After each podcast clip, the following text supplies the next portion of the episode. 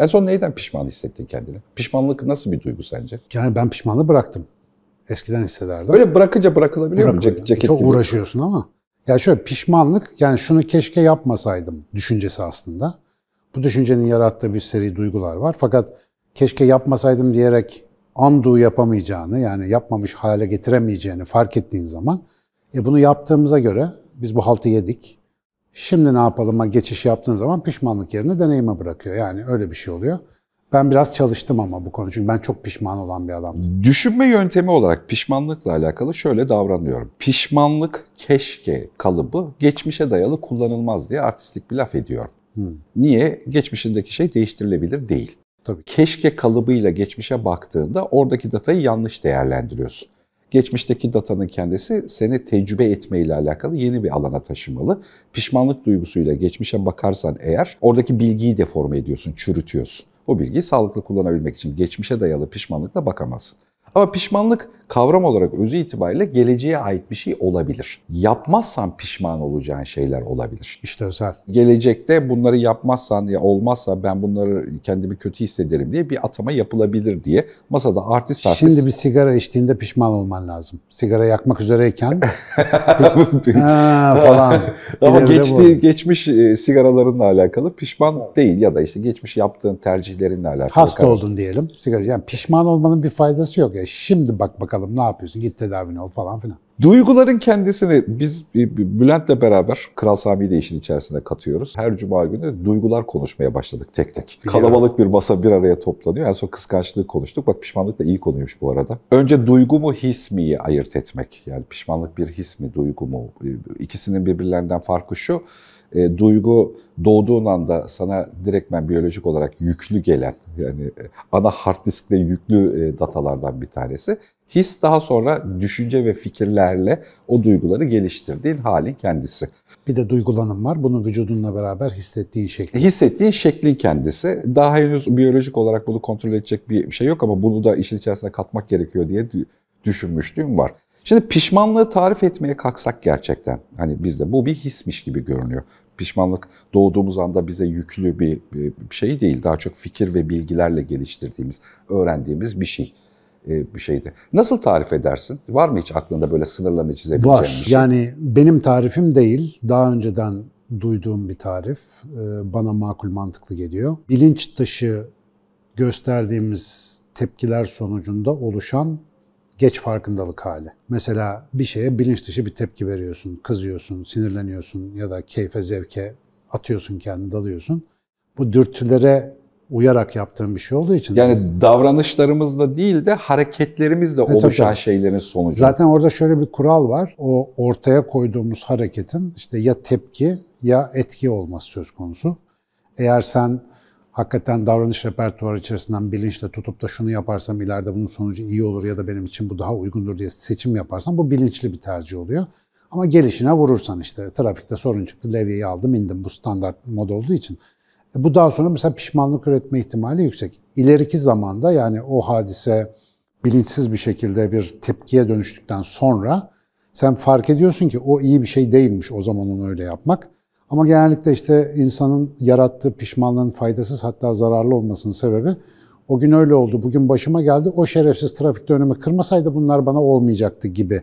Yani bir başka kendi verdiğin tepki üzerinden değil de başkasının sana yaptığı, dış dünyanın sana getirdiği şeyler üzerine kafa yormak hedef Bizi saptırmak oluyor. pasifleştiriyor diyorsun Tabii ki, yani. tabii. Pişmanlık sen o yüzden yani ya ben de aynı şekilde piş- pişmanlık duygusu bana hep şey gibi gelir. Kötü etiketli bir duyguymuş gibi gelir üzerinde. O yüzden bunu böyle hissediyoruz. Yani dış dünyaya karşı kendini pasif bırakan bir duygu. Tabii mesela geçmişte pişman olduğun herhangi bir şey aklına geldiğinde en hızlı yapman gereken şey her gün yapamıyorum ama yaptığım zaman işime yarıyor. Şimdi şu anda ve burada benzer bir tercih yaparsan başına neler geleceğinin farkındalığıyla şu anki tercihlerini daha akıllıca yapmak, daha bir yüksek bilinç düzeyiyle yapmak. Dolayısıyla pişmanlık ancak bu hale gelirse, kendine dönerse ve sorumluluğunu alarak bu andaki bir tercihe yol gösterirse o zaman faydalı bir şey olabiliyor. Ama çoğunlukla bir şikayet versiyonudur pişmanlık. Yani geçmişte oldu falan malum şikayet olunca cesaret olmaz. Ee, dünyada bir şey değiştiremez. Yani ikisi aynı bünyede durmaz diye sık söylememin sebebi o. Ama o ona dönüştürülebiliyor. Yani pişmanlık hemen cesaret adımına, işte şu anda olan bir şeyi daha iyi benim için, işte bildiğim dünya için, sağduyuya göre falan daha iyi yapacak tercihler yapmaya yönlendirebiliyor. Ama bunun için e, hep söylediğim şey yani bizim bütün burada anlatmaya çalıştığımız konu da o. Zihin böyle yüksek insani seciyeleri eğitimle geliştirmeden yapamıyor bunu. Yani bunun altyapısını oluşturup onu oraya eğitmen lazım.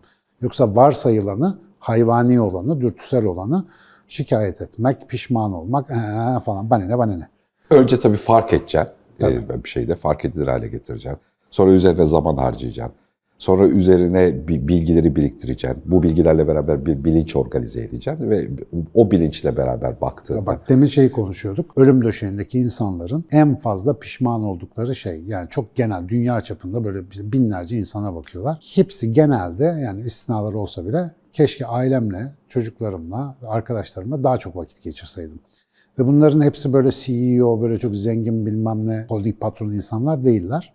Ama bu son ölüm döşeğindeki bu pişmanlık neyi gösteriyor? Hayatta aslında gerçekten önemli olan şeyler var. Bunların önemli olduğu her an biliniyor. Ama o an o önemlinin yerine geçen, önemli zannedilen ama aslında önemli olmadığı yıllar sonra zaten aynel yakın anlaşılacak olan ama o zaman da zaten önemli olmadığını bildiğin konular onların yerine geçiyor. Dolayısıyla yıllar sonra dönüp baktığında birçok insanın böyle temel, gerçek, iyi ve yapısal şeylerin eksikliğinden pişmanlık duyması çok anlaşılır. Aynı kurala tabi. O zaman mesela birisi bilincini toplasa, mesela ben bunu birkaç kere yapabilmiş olduğum günleri hatırlıyorum. Mesela benim unutamadığım bir anı var. Yani birisi bana mutluluk dediği zaman aklıma tek bir sahne geliyor. Benimkiler küçükken akşam kapıyı çaldığımda Ankara'da önce pıt pıt pıt küçük bir ayak sesi. Sonra baba diye löm löm löm bizim oğlanın ayak sesi. Daha büyük bir ayak sesi. Ondan sonra ondan daha uzun taka taka taka diye koşan büyük kızın ayak sesleri, Aybike'nin ayak sesleri geliyor. Kapıyı açıyorsun hepsi baba diye biri dizime, biri belime, biri işte vücuduma sarılıyor. Mesela o an herhangi başka bir şeyle uğraşmak hakikaten büyük densizlik. Yani o an, o anın tadını çıkarmak için ben mesela üstüm üstümü çıkarmadan çantalarımı falan kaç gün bıraktığımı, kapının önünde halının üstünde onları yıkıp boğuştuğumu falan biliyorum mesela. Şimdi ama eve girdin, cevap vermen gereken e-posta, konuştuğun bir telefon, bir şey, bir şey varsa o sahneyi kaçıracaksın. Ve atıyorum 20 sene, 30 sene sonra ömrün olursa geri dönüp ulan ne zaman büyüdüler lan bunlar, gitti o güzelim günler falan diye onları yaşayamadığına pişman olacaksın. Çünkü gerçekten şimdi şurada ve bu anda bilincini devreye soktuğun zaman önemli olan şeyler çok belli. Ama endişelerini, zihinsel öykülerini, sana belletilmiş amaç, hedef, havuç falan ne varsa onları düşünmeyi bırakamadığın için bu anın gerçek Sınıf atlama tuzaklarını. Her şey tabii canım. Önüne bir şey tutmuşlar, koşuyorsun. koşuyorsun işte sen buraya evet. gideceksin diye. Hani gelecek endişesi mesela. Düşünsene yani çocuklarınla, eşinle, arkadaşınla son buluşman olduğunu bilsen. Gelecek endişene kurban eder misin onu? İşte mesela depremde oldu işte. Bir gece önce yattık, bir sabah kalktık 200 bin kişi yok. Yok yani nerede? Kayıp oldu herkes. E bir gece önceden bunu bilseydik biz öyle mi ilişki kurardık? Öyle mi konuşurduk telefonla? Öyle mi bir alışverişimiz olurdu? İşte yüksek bilinç düzeyi belki bu yüzden kaldırması zor bir şey yani. Her anın son an olabileceğini bilerek. Büyük anksiyete, her an ölebileceğini ve bir gün muhakkak öleceğini bilmek. O yüzden insan bunu düşünmekten ateşten kaçar gibi kaçıyor. Bunu belki her an düşünemeyiz ama 3 ayda bir ya da işte ayda bir kendinle helalleşmeye ihtiyaç olabilir. Pişmanlığın iyi bir şeyi bu. Ha yani Aracı. kendinle helalleşme biraz böyle muallak bir tanım oldu ama yani şey hali. Şimdi bundan sonrasında ölsem olur değil mi? Bir eksik var mı? Birine verilecek alınacak var mı? Bu her ya sabah da... iyi bence. Her sabah yapmak lazım. Ama yani. her sabah adamı depresyona sokar bu. Yok, yani, yani, yani mesela ben bu işte morning routine diyor. İşte bir tane Budist bir abi var vardı. Turuncu entarisiyle konuşuyordu. Ondan öğrendiğim günden beri aklıma geldikçe yani çok öyle metodik bir adam değilim ama aklıma geldikçe yapmaya çalışıyorum. Onun bir parçası da yani bugüne kadar ne yaptıysam yaptım. Bir bonus gün daha geldi. Şimdi mesela bugün son olsa, bugün şimdiye kadar yaptığım her şeyi bir kenara bırak. Keşkesi, ah, artısı, eksisi. Şimdi bugün önümdeki fırsatları bu halimle, bu yaşanmışlığımla en iyi nasıl değerlendirebilirim? En iyi nasıl bakabilirim? Yani bunun için bir plan program yapmaya da gerek yok. Bir kere sabah saatlerinde bu farkındalığı oturtturdun mu, öğleden sonra saat 2'deki toplantıda da çalışıyor. Yani bir şekilde daha makul kararlar alıyorsun. Inner self diyorlar, iç, iç benlik diye bir şey var ya. O iç benlik birçoğumuzun bugün hayatta hiç temas edemediği bir şey. Hiç vaktimiz yok. Tuvalette bile elimizde cep telefonu olan bir devirdeyiz. Yani artık hiç vakit yok. Dolayısıyla iç benlik Böyle bir mesela sabah rutinini mecbur kılıyor sana. Sabah hiçbir şey olmadan, işte gerekiyorsa bir kahve mi alıyorsun, bir işte sigara mı yok, ne yapıyorsan sabah. Ama başka hiçbir şey yapmadan, yani ona eşlik edecek bir iç düşünce. Araya ekran girmeden, işte e- e-mail bilmem ne girmeden, dünya ile henüz bağlantı kurmadan önce bir kendinle bağlantıya geçme hikayesi o yüzden önemli. Ve orada kaçınılmaz olarak önce ya bugün sonsa. bu Evet. geliyor aklına. Yani çünkü insan bunun bilincini taşıyan bir varlık abi. Boru değil bu. Ya öleceğimizi bilmek daha önce seninle konuşmuştuk. Her şeyi yapabilmemizin de nedeni. Biz ölmeyecek olsak hiçbir şey yapmazdık zaten. E, ölmeyeceğim ki. Niye bu muhabbeti yapayım? Niye eğitim alayım? Niye okul bitireyim? Niye para kazanayım? Ölmeyeceğim. Nefes bile almazsın yani netice itibariyle. Ama öleceğimiz için zaten bu hayatı öldür öldür yaşıyoruz. Fakat ölmeden önce işe yarar bir hayat yaşayalım mottosu hiç ölmeyecekmiş gibi yumulalıma dönüşmüş vaziyette. Öyle bir şey pompalanıyor ki satın alalım işte çark dönsün. Hani bunu yapanlar da bizi kötü manipüle etmek isteyen uzaylılar falan değil, sen ben gibi adamlar. Ama bu döngü iyi bir döngü değil. Ve bu döngü ben açıkçası çok bozuldum yani. Şu deprem felaketini yaşadık abi. 3-5 gün olmadı. Daha haftasında. İşte İstanbul depremi olursa da bırak da orada insanlar daha enkaz altında ya gözünü seveyim. Niye dün bunu konuşmuyordun? Çünkü o farkındalık yok. Herkes 99 depreminden beri işte deprem, bina falan anca bir yer yıkılınca, birileri ölünce hem de kitleler halinde. Üç kişi ölseydi bunu kimse konuşmayacaktı abi. İşin acı tarafı bu. Ama rakamlar binlerle ifade edilmeye başladı ya. Herkese öyle ya da böyle dokundu. Yani öyle ya da böyle dokundu. İstatistik olarak şimdi daha yakın gözüküyor. Halbuki ölüm burada ya. Burada gırtlağında duruyor yani burada. Her an. Ben sana tıbben söyleyeyim. 10 saniye. Yani güvenli konuşabileceğin o kadar kısa marjin- sürüyorsa bu, bu sıkıntılı değil bu 10 arada. saniyede her şey olabilir. Mesela bir emboli gider, bir damar tıkar. Zaten ondan sonra şalter kapalı yani. Ancak işte organ yaşatma belli bir süre alır. Yoksa bilincin zaten kapanır 10 saniyede. Dolayısıyla bu kadar kırılgan bir şeyin olduğu, içinde olduğunu fark etmek çoğu insana iyi gelmiyor. Çünkü bununla muhabbet etme yöntemi yok. Yani bununla nasıl konuşacağımızı bilmiyoruz. Ölümlü bir hayatı nasıl yaşayacağımız. Bir- rutin hayatın işte çalışma, para, işte okul bitecek, sosyal sorumluluklar, şuna vakit ayıracağım, bunu yapacağım gibi bir sürü direktifi var. E bunları nasıl bir kenara koyayım o zaman mindful olayım, turuncu entariye giyeyim, oturayım falan olmuyor. Böyle de yapamıyoruz. Fakat bunun bir yolu var, bir ara yolu var. O da bence e, konu bu değildi ama oraya geldi. Ölümle muhabbet edebilmek. Ya ölüm fikriyle hakikaten sohbet edelim. Abi bir tane gerçek var. Büyük Türk düşünürü Candan Erçetin de şarkısında söylediği gibi. Ölümden başkası yalan yani. Gerçekten gerçek olarak hepimizin başına gelecek belki de tek şey bu. Er ya da geç. Ama en güzel zamanı belirsiz. E, belirsiz olunca her an mümkün. Bir gün muhakkak olacak. E, dolayısıyla abi bunu konuşmayacaksın da, bununla sohbet etmeyeceksin de. Bunu hayatının rutin bir parçasına dönüştürmeyeceksin de ne olacak? Evet. yani. Nedir biliyor musun? Bu şeyden ödediğimiz bedel aslında. Bana da güneşin ayıktırmıştı beni. İnsan doğadan kopunca önce ölümden koptu. Yani doğanın içindeyken ölüm zaten gözünün önünde. Herkes ölüyor. Sen yaşamak için birilerini öldürüyorsun. Yani böyle hayvan öldürüyorsun, bitki öldürüyorsun, yiyorsun. Şimdi sen bunlar uzağa kalınca, yiyeceğini marketten Markette paketli alınca ölüm diye bir şey girmiyor ki hayatına. Ve bu kopuş kötü bir kopuş. Sonra ne oluyor? Her ölüm büyük bir şok. Yani tamam ölüm kötü, ölüm hiçbirimizin istemediği bir şey. Ama yokmuş gibi yakmak şoku o kadar cehennemi hale getiriyor ki yani insan ruhu bunu kaldıramıyor. İşte bunu kaldırmamak için de uyuşturucu, uyuşturucu ne bulursak götürüyoruz. Uyuşturucu derken kimyasallar anlaşılmasın. Evet, evet, evet. Her Sosyal medyayı da uyuşturucu yani. gibi kullanıyorsun işte yani. Ya bütün aşklar meşkler bile uyuşturucu mertebesine iniyor.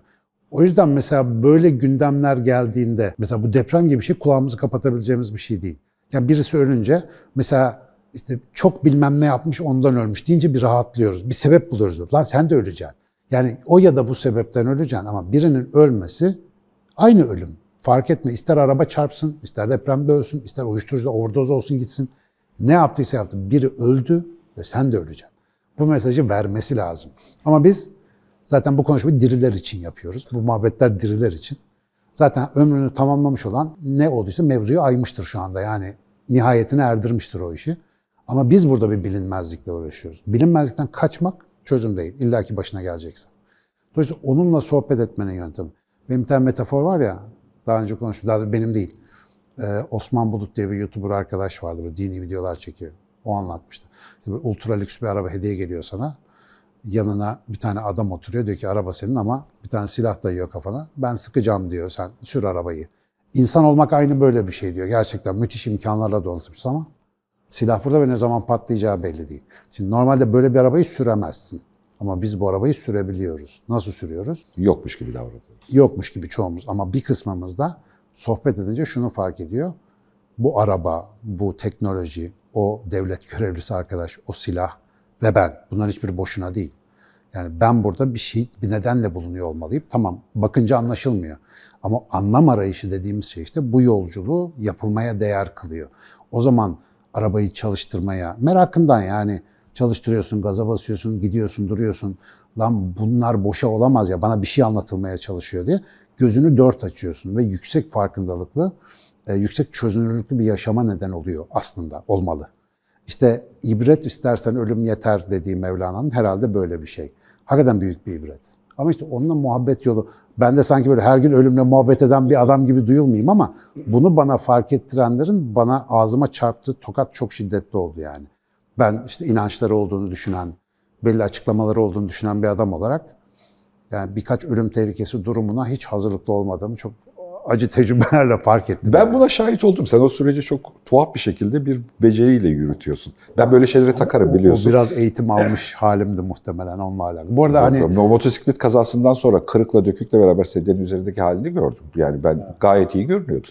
Bir şey, Yani şey değil, iltifaten söylediğim bir şey değil. Yani süreci yönetmede, zihinde hala etrafı hani sağlıklı bir şekilde ama kaygıya düşmeyin, rahat olun şeklinde yönetiyordun. bir de abi orada şimdi şöyle bir şey ama muhtemelen kaza geçiren birçok kişi bunu yaşıyordur. Yani ağrısızı bir tarafa o Abi benim gördüklerim öyle değil. Benim gördüklerim kişinin öleceğim mi kaygısıyla kendi içine Ha, düştükleri büyük o evet. görüyorum insanlarda. Ama yani o- Mesela bu kötü bir, bir fotoğraf oluyor ama Onu anladım. çok bencilliği Ama şey. ben de onu atlatmayı sağlayan şey şu oldu. ya, O kadar sert bir kazaydı ki 15 saniye sonra ölmedik ya la. bu haldeydim yani. Yani bu kadar şey oldu ve bayağı dayanıklıymışız biz falan diye. Bir de tabii işte fizyolog, mizyolog olarak da düşünüyorsun. E tabii iç kanama riski şu bu zaten hastaneye girerken hayat tehlike diye kaydetmişler. Ya bunların hepsi var ama biraz da tabii işte bu belki bir süredir gelen o muhabbetin, yarı entelektüel ölümle muhabbetin bir etkisi. Yani abi sonuçta o kadar da kötü gözükmüyor ölmek oradayken. Ya o kadar da kötü bir şey değil. Mesela dünyada her şey akıp gidiyor. Bir an önce sen motorun üstünde büyük bir muktedir kişi olarak böyle giderken, arabanı sürerken falan sen olmazsan dünyanın sekteye uğrayacağını düşünüyorsun. Abi düştükten sonra anlıyorsun ki hiç ambulansa binecek durumun yok ya. Alıyorlar seni, paketliyorlar, götürüyorlar. Ve yani o kadar lüzumsuz bir varlık olduğunu fark ediyorsun ki toz zerresi işte orada çıkıyor ortaya. O yüzden sakin olmakta fayda var diyorsun oraya geldim. Ama tabii Allah daha sert şeylerle sınamasın. Bir kişinin kendi ölümüyle yüzleşip ondan dönmesi çok halleşilebilir bir şey. Ama çok sevdiğim bir yakınını kaybetmek mesela. O kadar büyük bir acı ki. Şu anda on binlerce insan bunu yaşıyor mesela. Biz de masada bunu konuşuyorken ister istemez ölüm gibi, pişmanlık gibi, yoksunluklar gibi kelimeleri paketleyip markette satılır hijyende tekrar tanımlamaya çalışıyoruz. Ve ne yaparsak yapalım işte o paketi açıyorsun ve o kanlı et eline dokunuyor o konuyu konuşmaya başladığın anda itibaren ve oradan kaçamadığını yani bunun o kadar hijyenik bir şey olmadığını, Tabii. hijyenik bir duyguyla, hijyenik bir ruh haliyle yönetilebilir bir durum olmadığını, bunun bir kısmının başına geldiğindeki insanların nasıl deforme olduğunu gördüğündeki hal gibi o deformasyonu barındırdığını bilmek gerekiyor Seni galiba dönüştürmek zorunda. zorunda. Ve bu dönüştürdüğü şey bizim yalıtılmış, e, şu andaki gördüğümüz evrenimizle ortak kümede değil. Değil. Ya zaten burası bir türev evren canım, bir sanal, bir sistem. Evet, evet, evet, Metaverse. evet, evet, yani. Ee, çok tekrar belki Can Canan'da 10 kere alıntılamış olabilirim. Einstein'ın en sevdiğim laflarından bir tanesi. Gerçeği anlatmak istiyorsan zerafeti terziye bırak diyor. Ya bazı şeyler sert. Bunu ilk defa söylüyorsun bu arada. Yok daha önce söylemişim. yani çok çok alıntı yaparım çünkü. Hakikaten bazen beni böyle bodoslama konuşmakla suçlarlar. Abimiz işte kadın erkek cinsellik. Abi böyle. İşin doğası senin zannettiğin gibi çiçek böcek böyle e, paketli ambalajlarda falan sarılı değil. Ben yani. buna işlev evreni diyorum ya. Ya aynen öyle. Aynen. İşlev Gerçeği bu. evreni, anlam evrenini döver diye edebici haliyle beraber Aynen söyleyeyim. katılıyorum buna. Böyle yukarıda bir anlatımız var işte bu. Yani bizim uydurduğumuz bir şey o. Ama abi süre giden bir gerçeklik var. Ve işte bu hakikat dediğimiz şey aslında bu. Yani herkesin o üstünde aslında bilinçle baktığında birbirine varabildiği bir işleyiş biçimi var. Ama biz o işleyiş biçimindense sanal e, hikayelerimizi tercih ediyoruz. Mesela çocuk ölümü sorduğunda kaçacak delik arıyoruz. Çünkü kendimizin kendimize cevabı yok ki biz çocuğa ne cevap verelim. Mesela bir çocuğun ölümü sorması daha önceden çalışmış birisi için müthiş bir fırsat. Hem çocuktan öğrenme fırsatı hem bildiklerini ne kadar bildiğini test etme fırsatı. Yani anlayabildiğini test etme fırsatı. Çocuk lekesiz bir ayna çünkü. Çocuğa ölümü anlatabilme becerisi valla çatal kullanma becerisinden önemli. Çok önemli. Yani insanların sağlığı için erken yaşta ölüm, yaşam, o hayat denen döngünün tamamıyla tanışması lazım. Bizde hep hayat var, bizde hep zevk var. Kötü hissetmek yasak, üzgün olmak yasak, ölmek yasak, hasta olmak yasak. Bir hasta oldum ateş düşürücü, bir hasta oldum ağrı kesici. Ya bir sakin ya. Bu böyle bir şey yani hayat dediğin doğayı görseydik, bilseydik orada da yani koyun da ishal oluyor kardeşim. Bilmem ne de hasta oluyor. Oluyor yani. Bir kısmı ölüyor, bir kısmı devam ediyor, iyileşiyor. Yani bu döngüden bir haber yaşadığın zaman yaşadığın her şey, yani hikayenin dışında kalan her şey sana şok.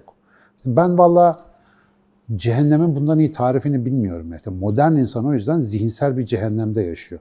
Mutlu olduğunu zannettiği zaman bir cenderede, güvenli bir fanusta ama hayatın kendisi vurduğu anda darmadağın oluyor o fanus. Yani incecik bir ne bileyim işte şeker balonu gibi bir şeymiş. Dağılınca fark ediyorsun. O yüzden belki de hani böyle hikayeler vesile olmalı bence. Bu büyük felaketler bilmem neler bunu daha çok konuşmaya. Biliyorum şu anda birçok insan artık ölüm bile duymak istemiyor. Yani o kadar çok toksisite yaptı ki bu baş edemediğimiz bir şey ama benim önerim genellikle çevreme buna böyle değil de haberlerde görünüyor korkunç hikaye gözüyle değil de hayatın bir parçası olarak şimdi değil ama normal hayatımızda bakmayı öğrenirsek bunu bu kadar şok olarak yaşayacak. Bir kere bu kadar insan ölmeyecek abi. Bak en temelde ölümle muhabbet etmeyi o binayı öyle yapamazsın işte. Ahlak oturmaya başlar. An farkındalığıyla ya ben o demiri, çimentoyu, işte zemini başka görmeye başlarım. Anlatabiliyor muyum? Ana odağındaki hedeflediğin şey, bunu buna uzunca bir zamandır takık olduğum konulardan bir tanesi. Deprem anında da sıklıkla söyledim. Ana konsantrasyonun hız olunca, karlılık olunca, rant olunca yani ana hedeflediğimiz şey, bizim birbirimizi başarılı gördüğümüz şey ne kadar hızlısın abi, ne kadar karlı sonuçlar alabiliyorsun abi olduğu sürece bu sistemi dengeye sokmak mümkün değil. Başka yani oradaki hedefi değiştirmek zorundayız. İşte oradaki hedefin kendisi doğru söylüyorsun ya bu bir el freni ya da fren biçimi. Yani günün içerisinde kendinle vedalaşmayı bilmek sağlıklı bir şekilde zihninde. Karlılığı, karlılığı oyunun küçük bir parçası. Denetimli bir karlılık diye. Evet yine karlılık hayatımızda kalsın ama bunu sınırlandırılmış e, ölene kadar karlılık, bedenime rağmen karlılık diye bir şey yok. İşte o Halbuki şimdi farkında Tabii. olmadan masada böyle davranıyoruz işte. Ölümü bilmeyince ölümüne diyebiliyorsun. Evet, evet, Ama evet. ölümle burun buruna gelince hadi be oluyorsun yani. Öyle değilmiş zannettiğin gibi. Ahlakın temeli yaratılışına uygun yaşamak ya benim öyle bir sevdiğim bir tarif var. Zaten ahlak kelimesi işte yaratılış kökünden geliyor. Yani yaratılışın anlamanın önemli bir parçası, yaratılışının en önemli parçası olan ölümü anlamaktan geçiyor işte. Ölümlü bir canlı olduğunda, buradan yanında hiçbir şey götüremeyeceğini anladığında, hiçbir şey gerçekten sahip olamayacağını fark ettiğinde konuşmuştuk bunu da. O zaman işte o hız yerini temkine, düşünmeye, değerlendirmeye, bir durmaya, bir nefes almaya bırakıyor. Bırakmak zorunda. Çünkü başka türlü ya geldik gidiyoruz algısı içerisinde yani gidiyoruzu düşündüğün anda bir donman lazım abi. Bu kadar şeyi ben niye yapıyorum abi? Hiçbir şey gidemeyecek ki benimle beraber. Dolayısıyla işte bu normal zamanımızda konuşmaya çok vakit bulamadığımız bir konu ama ölümlü bir dünyada yaşama becerisinin gittikçe önemli hale geleceğini düşünüyorum. Özellikle de ömür uzadıkça e, tıbbi desteklerle falan, işte bu gıda çeşitliliği, suplementlerle falan bizim ölüm bilgisizliğimizin yıkıcılığı bizi daha çok vurmaya başlayacak. İnsan 100 yaşına kadar hiper kapitalist bir tüketim nesnesine dönüşünce daha kötü oluyor. Yani bir de yaşlanmanın getirdiği o madem gidiyoruz burada daha bir coşalım kafası var ya o maalesef hastalıklı geçmiş bir ömrün doğal bir sonucu e, olarak. Orası aslında işte bu sohbetin başındaki olan yer pişmanlık hikayesi. Ölüyoruz, pişmanım bunlardan döngüsü. Tabii. Ha, en önemlisi işte. Evet. O sona doğru giderken bakıyorsun abi 100 sene yaşamış ol. Ne diyeceksin yani? O ne diye demiştim. Bu değil ki abi. Herkesin söylediği bir şey daha. Keşke şunu yapsaydım. Yapmasaydım yok. Keşke onu yapsaydım. Keşke o işten ayrılsaydım. Mesela bilmem ne yapsaydım. İşte çoluğumla çocuğumla gezseydim falan. Ama öleceğini bilmiyorsan, unutuyorsan onu yapmıyorsun işte. Kendimden biliyorum.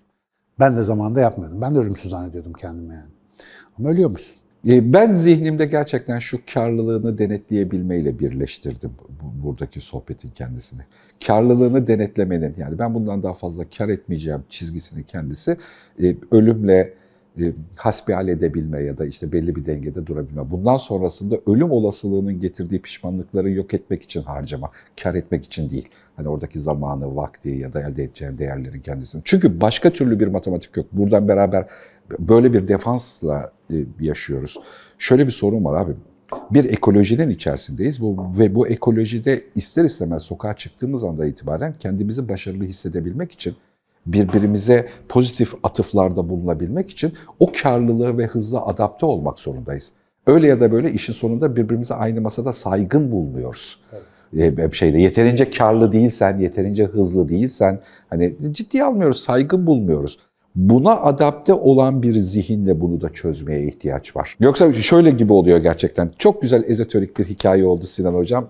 Ben Osmanlı hikayeleri dinlemeyi de çok seviyorum. Bu hikayeyi de ölümle alakalı konuşmayı da çok seviyorum. Çok harikaymış, çok teşekkür ediyorum diye dönüp işte buradaki başka bir şeyle ilgilendiğimiz bir şey oluyor. Halbuki bunu adaptif yani günümüzün içerisinde gerçekten adapte edebilmemiz için pratikte de bir şey demek gerekiyor. Yani şunu cümle olarak söylemek gerekiyor. Çok kar eden şirketi anlamlı bulmuyorum, değerli bulmuyorum. Aksine karını sınırlayabileni değerli buluyorum. Karını dağıtabileni, dağıtabileni. fazlasını dağıtabileni. Evet yani işte sınırlamaktan kastım da o. Yani bundan daha fazla kar etmemeyi kabul edip bunun dışındakileri çalışanlarıyla paylaşan, kendi müşterisiyle paylaşan şirketi değerli buluyorum dediğimiz bir anlam evreni yaratmamız gerekiyor.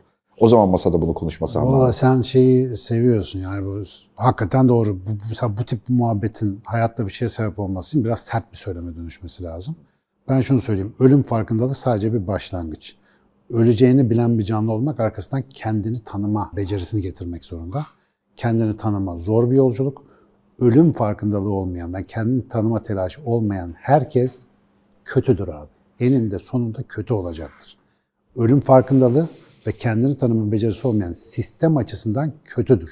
Dolayısıyla kötü olmak istiyorum insan. Önce ölüme al- alışacaksın. Sonra da ben neyim sorusunu soracaksın. Arada şunu koymak istiyorum. O zaman daha güzel olacak. Kendini bilmeyle ve e, ölüm farkındalığıyla ilgilenmeyen ya da buna konsantre olmayan insan korkar. Ko- evet, Korkan her insan şeyden- kötüleşir. Aynen doğru işte. Zincir oydu Evet. tam olarak. Daha önce konuşmuştuk çünkü. Kötülük korkunun çocuğudur. Evet. Korku kötülük yapacak.